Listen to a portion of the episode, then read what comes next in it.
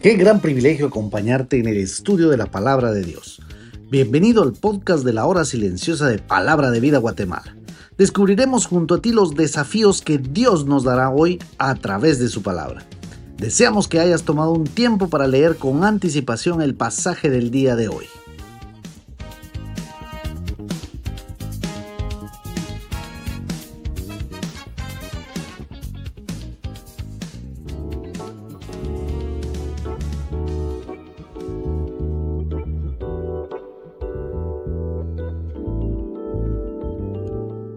Qué bueno poder estar en el comentario de la hora silenciosa. Te saluda Oscar Fuentes del Ministerio de Palabra de Vida aquí en Guatemala. Un escritor dijo lo siguiente, si un hombre es capaz de predicar sermones sin Cristo, no te hagas daño a ti mismo escuchándolo. Así que con esta introducción de Charles Spurgeon, nos vamos al pasaje que está allí en Colosenses 1, 15 al 19. Él es la imagen del Dios invisible, el primogénito de toda creación, porque en Él fueron creadas todas las cosas, las que hay en los cielos y las que hay en la tierra, visibles e invisibles, sean tronos, sean dominios, sean principados, sean potestades, todo fue creado por medio de Él y para Él. Y Él es antes de todas las cosas, y todas las cosas en Él subsisten y Él es la cabeza del cuerpo que es la iglesia, el que es el principio, el primogénito de entre los muertos, para que en todo tenga la preeminencia, por cuanto agradó al Padre que en Él habitase toda la plenitud.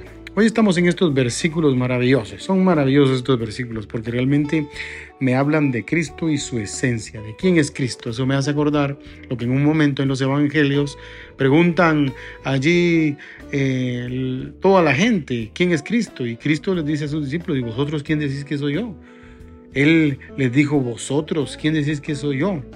Allí en Mateo capítulo 16, versículo 15 y 16, respondiendo Simón Pedro, dice que le da una de las respuestas magníficas al Señor Jesús.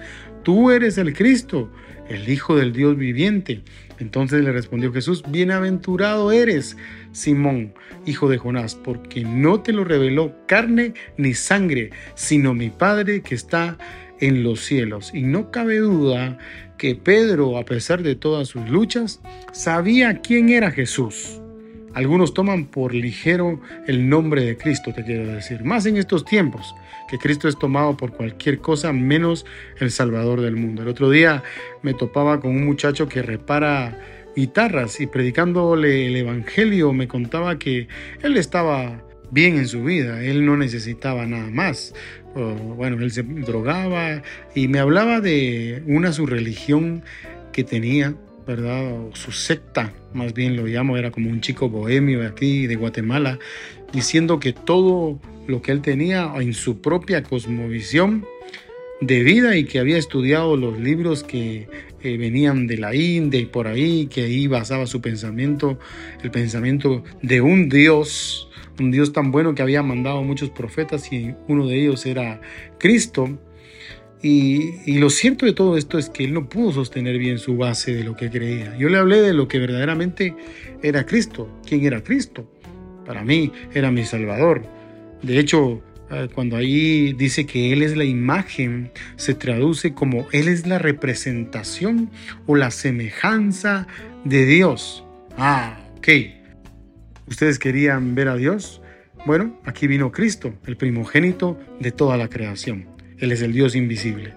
Es que verdaderamente ese es el Evangelio, es hablar de la persona de Jesucristo. El otro día escuchaba a Sproul eh, diciendo que el Evangelio no es el testimonio de cada persona, o sea, no es mi testimonio.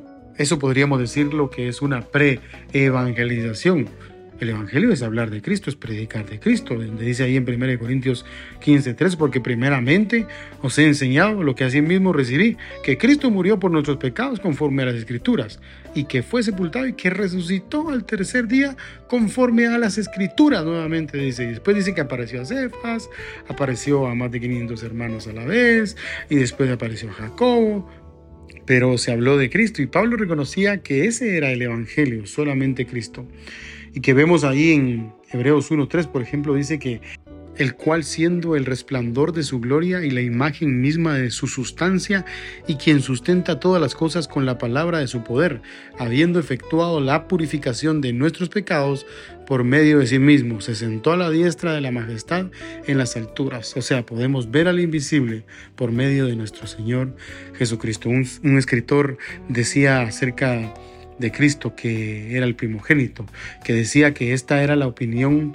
a mi propio juicio más probable, si tenemos en cuenta la importancia que el Antiguo Testamento tenía, el título de primogénito, por ejemplo, el que recibía la heredad, el honor, la autoridad sobre los demás hermanos o sea, era Jesucristo, el Hijo de Dios, deducimos que a Él como primogénito le incumben la anterioridad, o sea, la prioridad de existencia, la trascendencia de la naturaleza y sobre todo el imperio y la heredad absoluta de todas las criaturas. Y esa es la cuestión. Por eso Cristo tiene la autoridad divina de ser llamado Hijo de Dios, heredero, y nosotros también somos coheredero de la gracia en Cristo Jesús. Por eso en este mundo quebrado, herido, realmente nosotros como hijos de Dios tenemos que estar conscientes de quién es Cristo y cómo dice la palabra de Dios, eh, presentar defensa ante todo aquel que os demande. El señor Núñez en uno de sus libros decía allí en Renueva tu mente habla de la defensa o de la apologética que cada cristiano debería tener. Nosotros tendríamos que ser apologistas por sin contender, sino proclamar la verdad, el hecho de decir, esta es la verdad y cambiar el rumbo de aquellas personas que están sin Cristo y que andan en mentira. La misma palabra habla con apología cuando dice que los cielos cuentan su gloria y el firmamento anuncia la obra de sus manos. Ustedes se acuerdan de eso, ¿verdad? Pidamos entonces a Dios que realmente renueve nuestra mente para decir quién es Cristo. Todo fue creado por medio de Él y para Él. Un escrito decía de esto, que todo ha sido creado en Él y para Él. Quiere decir, todas las cosas fueron creadas en Cristo como en su centro de unidad, de cohesión, que confiere a todo su verdadero valor y realidad. En Cristo fueron hechas todas las cosas como en su punto de cita o de encuentro. Lo podemos ver ahí en Efesios capítulo 1, versículo 10, o por medio de él, cuando se refiere a por medio de él, a la vista de 1 Corintios 8, 6, podría dar a entender con la mayor probabilidad de que Cristo puede considerarse en cierto sentido instrumento de la conservación de los seres en su existencia en cuanto a que Él es el mediador hacia Él, o sea, con vistas a Él, por cuanto todas las cosas están orientadas, dirigidas a Cristo como la culminación de su perfeccionamiento, o sea, todo el universo creado está dirigido a Él, le está sometido a Él. Él es la corona de la creación, el centro de la unidad y reconciliación universal. Él es el primero y el último, alfa y omega de todo. Así que no hay duda de quién es Cristo. Pero la pregunta para ti, mi querido oyente, es ¿quién es Cristo para ti? Quizás tengas que tomar una decisión el día de hoy o tienes muchas preguntas de su autoridad y de su divinidad. Dice entonces que por lo tanto agradó al Padre que Él habitase o que en Él habitase toda plenitud. Eso es tremendo cuando le dice ahí en los evangelios, este es mi Hijo amado en quien tengo complacencia, porque agradó así al Padre. Por eso vívelo. ¿Qué tienes que decir de Cristo cuando tengas que presentar defensa ante todo aquel que te demande? ¿Será que nos vamos a quedar callados? Como muchos hoy se quedan callados cuando les preguntan si son cristianos o no. ¿O vas a hablar acerca del Evangelio de Cristo? No de tu testimonio, y lo puedes hacer a través de tu testimonio, pero habla del Evangelio de Jesucristo. Predica la palabra, tiempo y fuera de tiempo. Que el soberano Dios bendiga tu vida grandemente.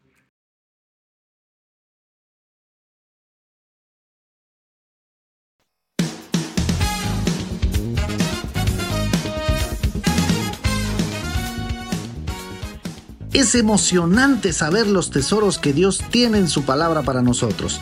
Ayuda a tus amigos a que descubran la voluntad de Dios para su vida. Comparte este podcast con ellos. No olvides seguirnos en nuestras redes sociales.